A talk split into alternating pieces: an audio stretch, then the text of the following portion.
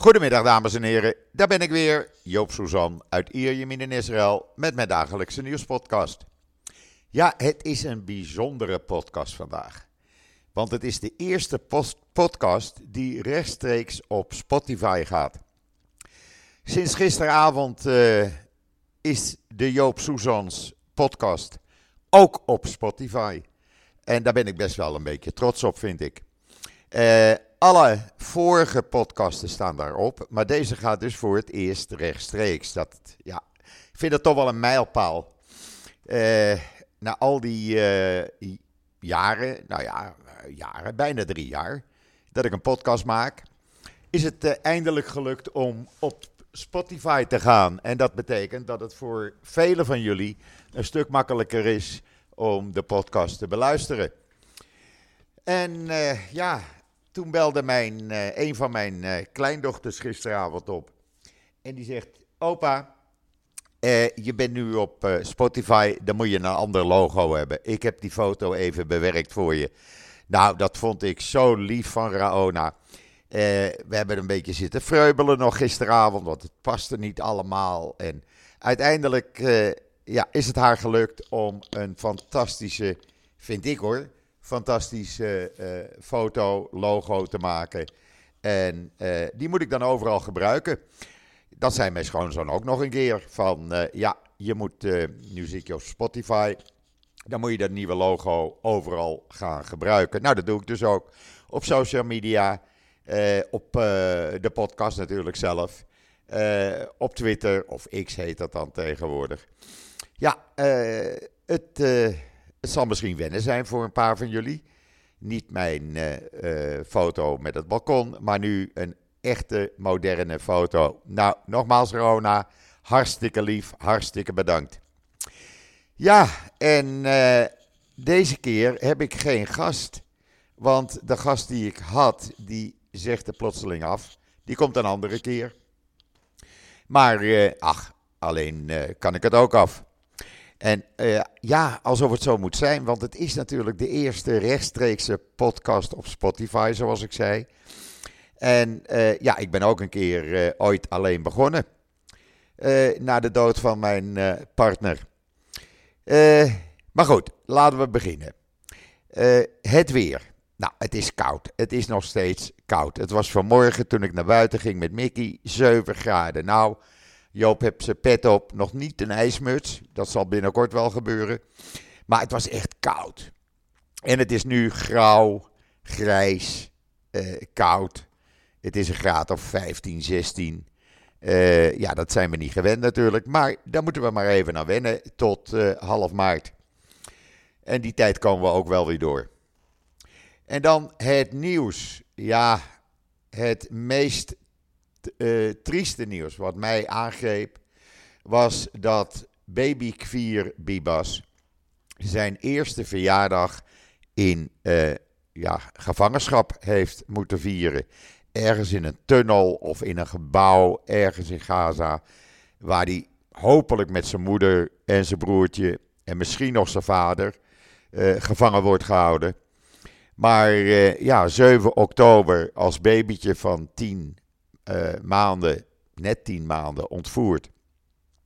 En nu dus voor het eerst zijn eerste verjaardag gevierd in gevangenschap. Denk er eens even bij na. Dat is toch verschrikkelijk. Echt, dat moet uh, iets bijzonders zijn, een eerste verjaardag voor een kind. En ja, dat vier je dan in gevangenschap tussen een stel terroristen. Ik vind dat iets vreselijks. Dat grijpt mij echt aan. Dat meen ik serieus. Dat gezicht, die foto, jullie weten allemaal die foto nog wel. Van die doodsbange moeder met die twee jonge roodharige kinderen op haar armen. Die wegrende, uh, verschrikte blik in haar uh, gezicht. Uh, omringd door ter terroristen. Ja, dat is toch verschrikkelijk. Dat, dat vergeet je gewoon niet. En neem, denk daar nou eens bij na. 103 dagen in gevangenschap. Denk daar eens bij na. Ik vind dat verschrikkelijk. Echt waar. Ik moest dat even kwijt. Want ja, ik hoop dat uh, baby uh, Kvier Bibas uh, nog leeft. En ik hoop dat hij snel met die andere gijzelaars vrijkomt. Echt waar. Dat kan je die mensen niet meer aandoen. Echt niet.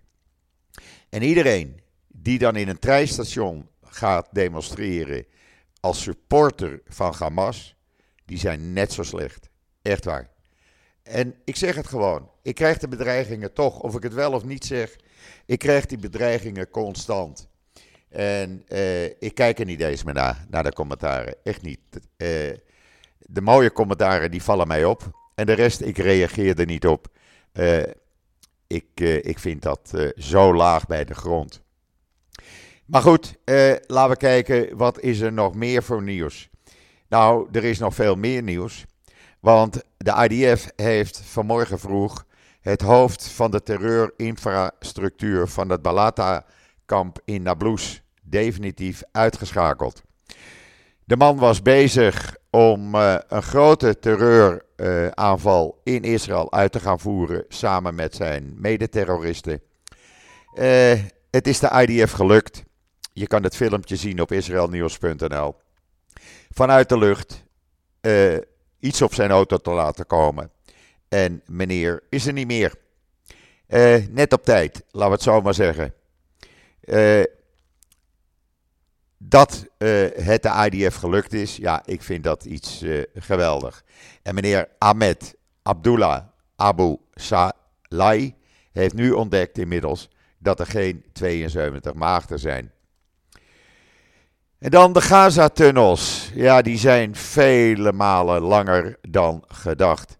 Volgens de New York Times en andere bronnen in Amerika zouden die tunnels tot 724 kilometer reiken.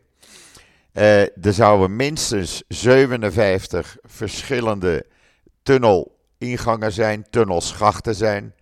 Uh, het is vele malen groter als dat gedacht. Nou, we weten dan in ieder geval waar al dat hulpgeld naartoe is gegaan. Ik ben dan ook blij dat de Nederlandse regering weer 5 miljoen dollar aan uh, mevrouw Kaag heeft overgemaakt. Uh, ja, kunnen de uh, terroristen weer wat gaan doen natuurlijk. de IDF is wel bezig om die tunnels uit te schakelen. Maar ja, voordat je 724 kilo, kilometer aan tunnel hebt uh, vernietigd, dan ben je nog wel even bezig. En ook die 5700 afzonderlijke schachten, ja, die moet je maar altijd maar zien te vinden. Het lukt ze wel, maar ja, tot nu toe is het slechts een paar honderd kilometer. Je kan het lezen in alle Engelstalige kranten. De Times of Israel heeft er bijvoorbeeld een heel groot artikel aan gewijd. Met alle details die ik hier niet uh, ga uh, bespreken. En dan gisteravond uh, kreeg ik een persbericht van de IDF. Eh, dat mocht pas na 8 uur Israëlische tijd, dus 7 uur Nederlandse tijd online. Dat heb ik dan ook gedaan. Want er zat dan een embargo op. En toen bleek dat uh, de IDF had een nieuwe terreurtunnel ontdekt onder de Salah al-Din Road in Centraal Gaza. Die dus Noord- en Zuid-Gaza met elkaar verbond. Ik zeg duidelijk verbond, want die tunnel, dat kan je allemaal op de video's zien. Er zitten vier video's in dat artikel op israelnieuws.nl. Die tunnel, die uh, hebben ze ontdekt. Ze hebben hem vol uh, gegooid met explosieven en hij is er niet meer. Er is ook nog een hele uitleg bij van uh, de commandant van die eenheid. Hoe die dat gedaan heeft en hoe ze hem ontdekt hebben. Ik vind dat een, ja, bewonderenswaardig uh, staaltje vakmanschap, laten we het zo maar zeggen. Want het lukt ze toch elke keer weer, die jongens en meiden van de IDF. En dan heb ik een video op Israël Nieuws staan. Uh, waarin uh, een commandant van de Islamic Jihad, die door de IDF gevangen is ge ge genomen en aan de Shin Bet is overgedragen. Meneer Mahadi, die beschrijft hoe die in uh, Iran is getraind. Jawel, hij zegt dat heel duidelijk in die video. Ik heb de video ook in dat artikel staan. Hij zegt, uh, we gingen met uh, tussen de 15 en 20 Islamic Jihad terroristen naar Iran. En via Libanon en Syrië. En daar zijn we getraind. Mijn commandant belde me op een keer op en die zei dat ik naar Iran moest gaan voor een sluipschutterscursus. En dat ik ervan zou profiteren en mijn salaris verhoogd zou worden. Ja, hij zou worden betaald. Hij ging uh, via uh, de Gazastrook naar Egypte. Daar is hij twee weken gebleven. En van daaruit is hij naar Syrië gegaan. En vervolgens naar Libanon. En toen naar Iran. Die cursus, hij noemde het, hij noemt het in die video ook een cursus. Hij zegt die duurde 15 dagen. En we moesten ook conditietrainingen doen. En schiettrainingen met allerlei verschillende soorten wapens. Uh, ja, hij beschrijft dat helemaal. En ja, het is dus wel duidelijk dat Iran mensen het deugt voor geen meter. Echt niet. Ik weet niet of Nederland er nog een militaire attaché had. Die hadden ze tot verleden jaar wel. Het zou me niet verbazen als uh, Nederland nog steeds die militaire attaché daar heeft zitten. Misschien dat iemand uh, dat even kan uitzoeken voor mij. En laat me dat dan even weten. En dan was er gisteren eigenlijk sprake van een grote escalatie in Zuid-Libanon. Want eh, IDF die heeft tientallen Hezbollah-doelen in Wadi Saluki uh, aangevallen. Uh, er kwamen gisteren behoorlijk wat aanvallen vanuit Zuid-Libanon, Hezbollah. En de IDF is met artillerie en luchtaanvallen aan de gang gegaan. En heeft een groot aantal militaire gebouwen van Hezbollah, infrastructuur en opslagplaatsen van wapens vernietigd. Ook dat mag toch wel een keertje genoemd worden. En dan heeft de IDF, en daar staat een artikel van op uh, israelnieuws.nl.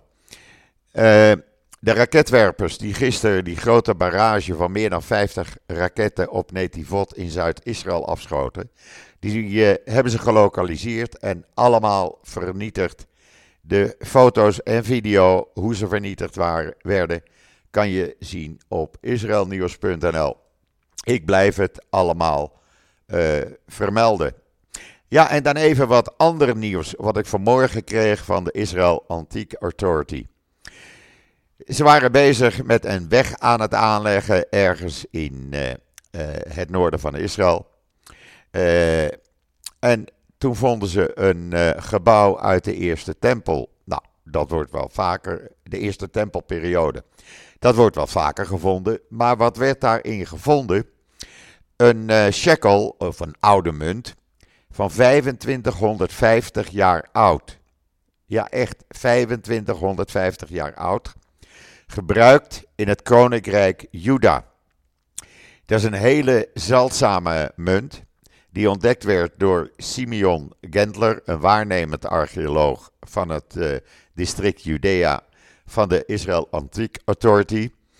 En uh, die munt die opzettelijk gebroken werd aangetroffen, die werd geslagen met een vierkant stempel, ingebed in één zijde en later produceerden ze meer geavanceerde technieken uh, andere munten die uh, ja, een soort postzegel uh, bij zich hadden of in zich hadden. De hele beschrijving, inclusief een video, hoe die vindplaats eruit ziet, hoe die munt eruit ziet, met uitleg over die munt, kan je dus lezen op israelnieuws.nl.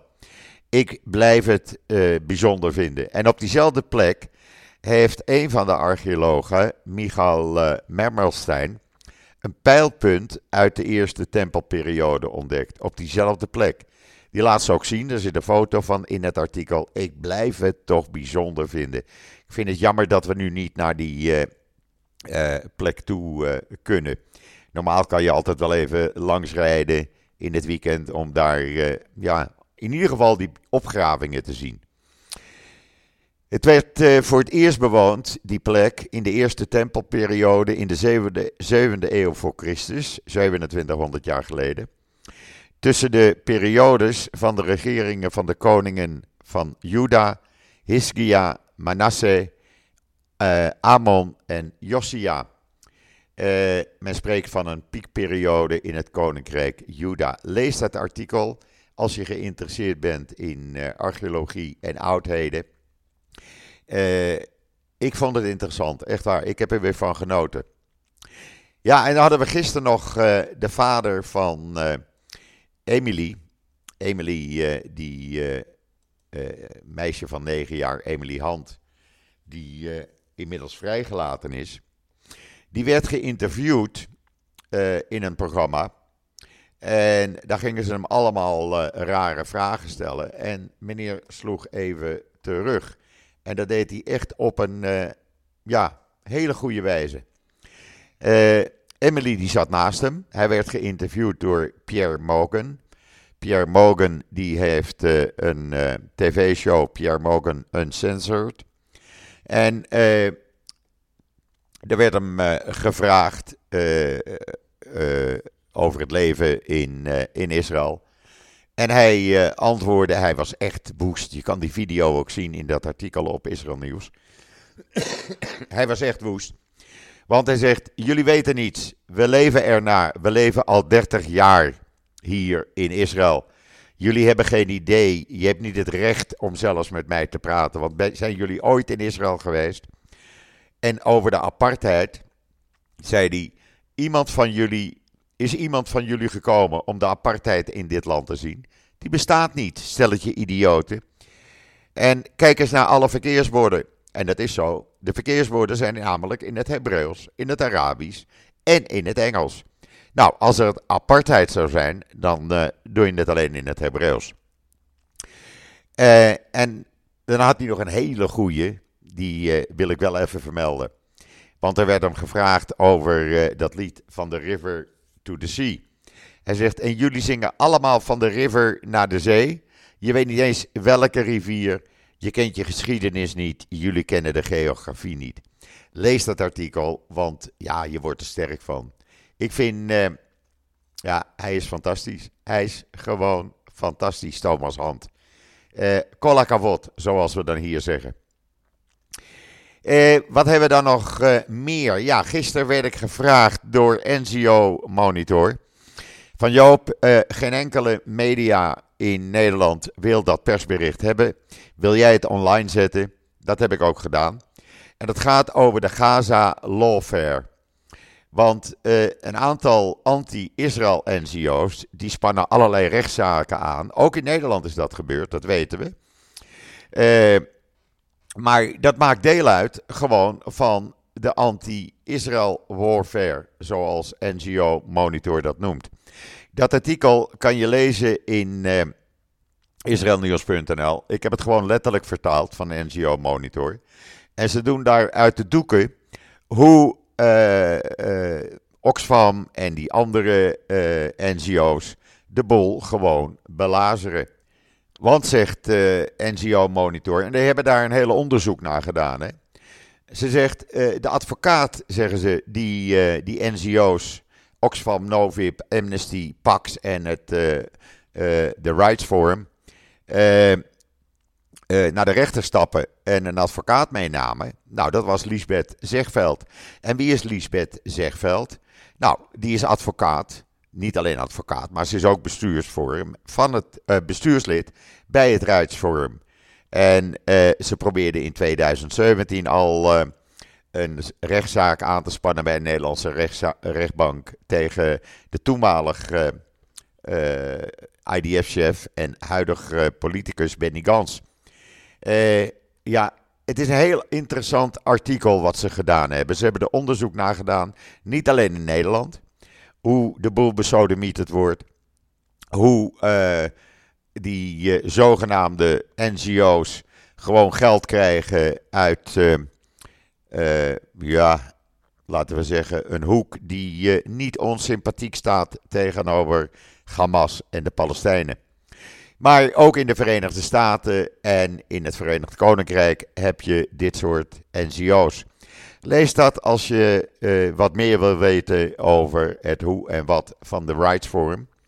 Want nogmaals, het is een club die je niet kan vertrouwen. Ik begrijp ook niet dat leden van het Rights Forum nog steeds in allerlei praatprogramma's in Nederland worden uitgenodigd.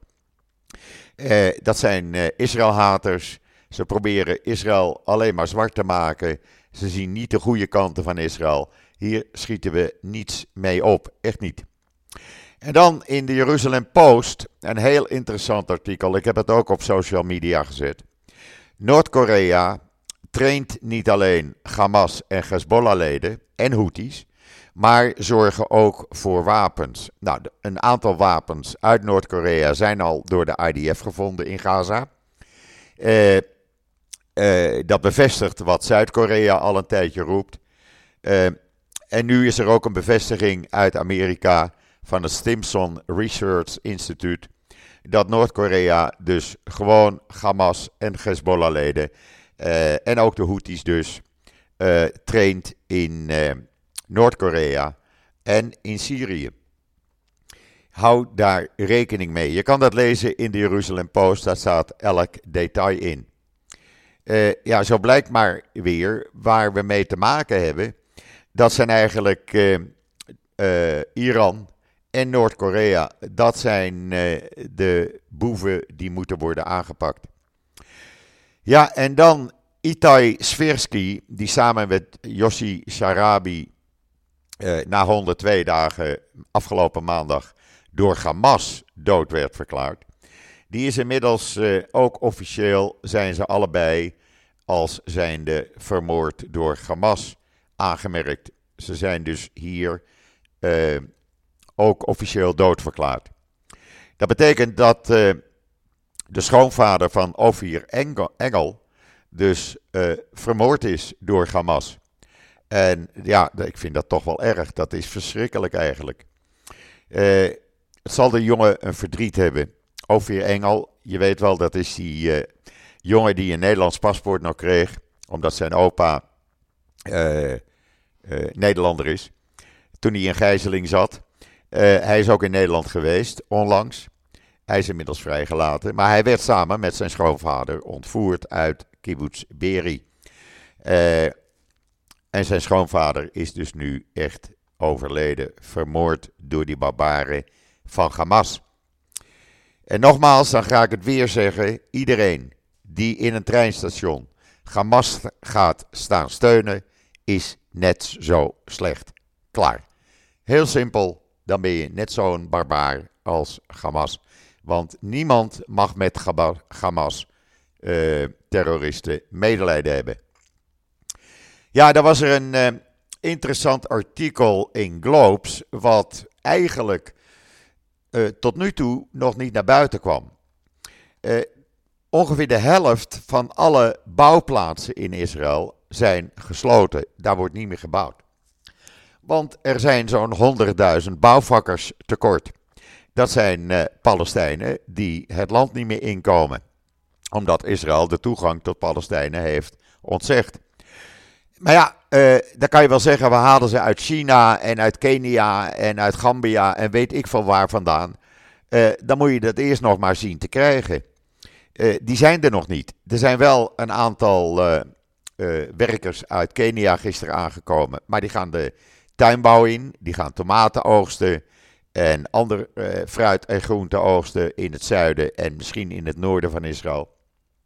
Maar daar kan je nog, nog geen appartement mee bouwen. Eh, wat moet Israël doen om eh, te zorgen dat die bouwplaatsen weer eh, aan het werk gaan? Ja, dat is een groot probleem. Want het betekent ook dat er een enorm tekort aan woningen gaat komen. Dat betekent weer dat je kan zeggen dat de woningprijzen over een tijdje gewoon gaan stijgen. Zo zie je maar weer, het een grijpt in het ander. En je kan je kan niet zonder Palestijnse bouwvakkers. Echt, daar moet iets aan gedaan worden. Eh, dat heeft allemaal met deze oorlog te maken. Er was eh, sprake van een proef. Eh, Palestijnen boven de 45 jaar die wel het land in laten komen. Gideon Saar, de voormalig minister van eh, Justitie, is daar weer op tegen. Heeft dat gisteren weer eh, duidelijk geroepen. Ja, eh, ik weet het niet. Wat is wijsheid in dit geval? De associatie van uh, bouwers die zegt de cijfers liggen veel hoger en het tekort ligt ook veel hoger. We hebben voor de oorlog was er al sprake van een tekort aan bouwvakkers van zo'n 40.000 bouwvakkers. Uh, ja, en als je dus nu zegt, we komen er 100.000 tekort, dan moet je eigenlijk zeggen, nee, we komen 140.000 bouwvakkers tekort. Nou, Probeer dat nou maar eens aan te vullen. Bouwvakkers uit China, Moldavië. Nou, daar kan je lekker mee communiceren. Het lijkt me niet de oplossing. Echt niet. Uh, er zijn trouwens heel veel uh, Chinezen en uh, andere buitenlandse bouwvakkers door die oorlog weer teruggegaan naar hun land. Ja, het staat in Globes, de Engelstalige Globes, daar kan je het allemaal in lezen. En zo zie je maar, er zijn grote problemen en er komen ook in Europa grote problemen. En dat heeft weer te maken met de Houthis. Want nou moeten al die schepen 10, 12 dagen omvaren, omdat ze niet meer door die Rode Zee eh, durven of kunnen. Dat betekent dat de auto-industrie in Europa minder uh, onderdelen aangevoerd krijgt, althans minder snel. Uh, Stellatis, uh, waar Peugeot en Citroën van deel uitmaken, die zeggen ja, we gaan het per vliegtuig doen. Dat betekent dat de prijzen verhoogd worden. Inmiddels hebben Tesla, Volvo, Suzuki en nog een paar andere aangekondigd dat ze voor één of twee weken of langer hun autofabrieken in Europa sluiten of hebben gesloten. Omdat ze gewoon geen onderdelen hebben om die auto's in elkaar te zetten. Volkswagen zegt, we kunnen nog wel even door. Uh, ja, ik vind het een probleem. Uh, want het betekent gewoon dat alles duurder wordt. En dat zal niet alleen met uh, auto's zijn, want als, die, als alle schepen 10, 12 dagen om moeten varen, dan betekent het dat de transportkosten omhoog gaan. Dus hou er rekening mee als je een nieuwe auto gaat bestellen of iets anders waarvan de onderdelen of het uh, uh, stuk zelf uit China moet komen. Ja, daar ga je meer voor betalen. Ja, en dan heeft Qatar aangekondigd dat er dan eindelijk een deal zou zijn met Hamas om medicijnen aan de gegijzelden te sturen of te overhandigen. Die mensen zitten al 103 dagen zonder uh, medicijnen. Er zitten mensen bij die astma hebben, daarvoor medicijnen moeten gebruiken. Die hebben ze niet. Uh, die uh, medicijnen schijnen inmiddels in Egypte te zijn aangekomen. Even een slokje water. Met behulp van Frankrijk. Die schijnt daar een grote rol in te spelen. Maar nu zeggen de familieleden van gegijzelden: ho even die deal die maakt uit van een grotere deal. Want uh, op het moment dat er uh, medicijnen naar de gijzelaars gaan, dan zouden er ook meer medicijnen voor de inwoners van Gaza worden, uh, naar Gaza worden gebracht. Dat moeten we even stoppen, dat overbrengen naar Gaza, want we willen eerst zekerheid hebben, en daar hebben ze gelijk aan, dat die medicijnen ook echt bij onze gegijzelde familieleden zijn. Ja, ik kan me daar iets bij indenken. Ik vind dat ze daar uh, gelijk in hebben. En dan uh, Ras Cohen is een belangrijke getuige geworden hier in Israël. Uh, omdat hij heeft gezien hoe vrouwen, hoe meisjes werden verkracht. En uh, door zijn getuigenis, waarbij hij onder andere zei: hij haalde een mes tevoorschijn, stak haar neer, bleef haar nog een uh, tijdje verkrachten, uh, wordt hij bedreigd, bedreigd online. Nou ja, dat kennen we allemaal als je Israël verdedigt. en hij krijgt rechtstreeks haatberichten toegestuurd en bedreigingen. Kan je lezen in de Engelstalige Ynet. Ja, als mensen bedreigd gaan worden, dan uh, zullen ze niet gauw uh, geneigd zijn om te gaan getuigen. Maar toch, we hebben die getuigenissen nodig. Echt waar. We willen weten wie die beesten zijn die die vrouwen en meisjes constant verkrachten en verkracht hebben. En dan uh, had meneer Blinken weer een opmerkelijke uitspraak, of eigenlijk opmerkelijk, ja, ik vind hem niet opmerkelijk. Hij zegt, de Arabieren zullen de wederopbouw van Gaza niet financieren als er niet een duidelijk pad naar een Palestijnse staat is. Ja, moeten we dat nou uh, gaan doen, een Palestijnse staat? Wat is wijsheid in deze? Ik bedoel, de Palestijnen kunnen niet eens hun eigen staat uh, uh, regelen. Ze hebben geld uit Israël nodig, ze hebben water uit Israël nodig, ze hebben elektra uit Israël nodig, ze hebben banen in Israël nodig. Hoe wil je spreken van een Palestijnse staat? Uh, daar mogen de heren over gaan denken. Dat gaan ze onder andere op het World Economic Forum doen, wat nu in Davos wordt gehouden. Waar trouwens president Herzog vandaag naartoe is gegaan met zijn vrouw. Maar heeft meegenomen een aantal familieleden van gijzelaars, gegijzelden. Die kunnen dan spreken en hij gaat spreken, want dat is zijn belangrijkste punt in Davos. Over uh, het vrijkrijgen van die gevangenen in uh, Gaza. Want die mensen moeten echt vrij. Ja, en of je nou naar een Palestijnse staat moet, er zal misschien, heel misschien, niks anders overblijven. Maar dan denk ik toch meer aan het oorspronkelijke plan wat er eerst lag. Om een Palestijnse staat te gaan vormen. Uh, waarbij uh, uh, Israël de bewaking van de buitengrenzen doet. Er geen eigen vliegveld komt. Dat kan dan via Ben Gurion Airport als je wil vliegen. Zo groot is die afstand niet. Of je gaat via Jordanië. Of je laat een Palestijnse staat deel uitmaken van Jordanië. Want daar is 70%, ruim 70% van de bevolking, die is Palestijn, zoals ze genoemd worden. Ja, en dan nog even over die oproep die gisteren onder andere in het Algemeen Dagblad stond, in het AD. Ik heb dat ook gepubliceerd. Er was een oproep vanuit voornamelijk Noorwegen, maar ook uit Nederland waren er veel voorstanders van om Israël uit te sluiten van het Songfestival. Nou, dat hebben we met z'n allen even aangepakt. En eerst was er een royale meerderheid tegen deelname van Israël. Maar inmiddels is er een royale meerderheid voor deelname van Israël uh, aan het Songfestival. Uh, je kan nog steeds uh, stemmen. Ik heb die link van het Algemeen Dagblad op de social media gezet. Uh, X of Twitter, LinkedIn en Facebook. klik even op die link en ga even naar dat artikel. Onder dat artikel in het AD kan je stemmen en dan kan je gewoon even voor Israël stemmen. Ja, hier in Israël heeft Benny Gans onder andere een brief gestuurd naar Netanyahu waarin hij hem opriep om nou toch eens eindelijk met een plan voor after the war te komen. Want hij komt niet met een plan. Er is geen officieel regeringsstandpunt uh, van wat gaan we doen met Gaza, uh, met de Palestijnse gebieden, na de oorlog, nadat deze oorlog is afgelopen.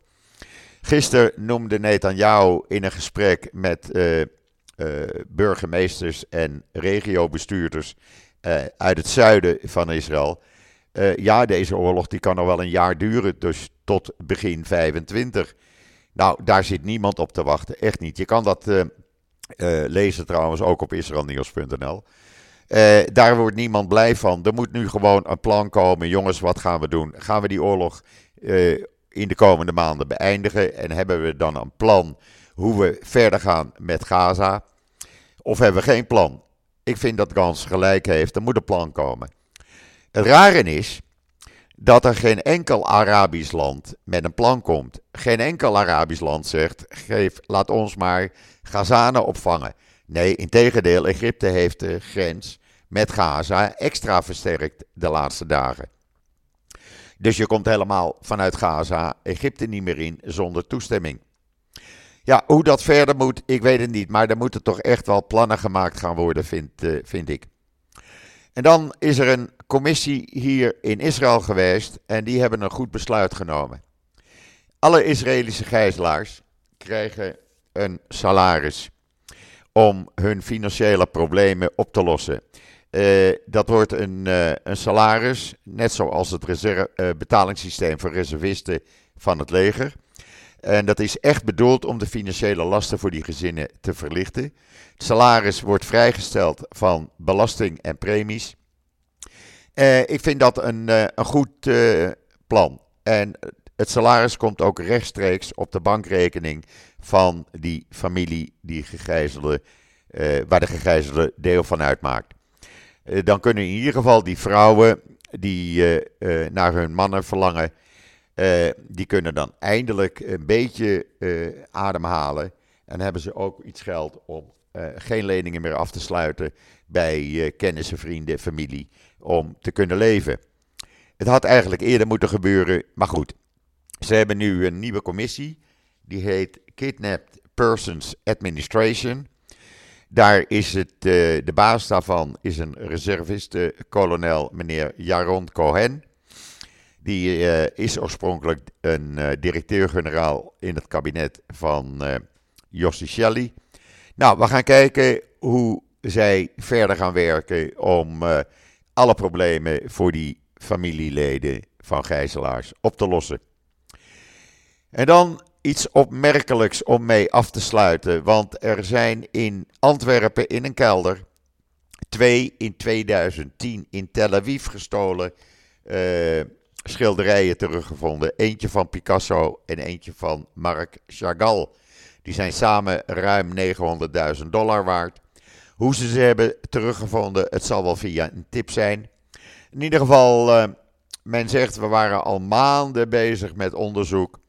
En uh, we hebben het uiteindelijk gevonden. Nou, ik vind dat uh, knap.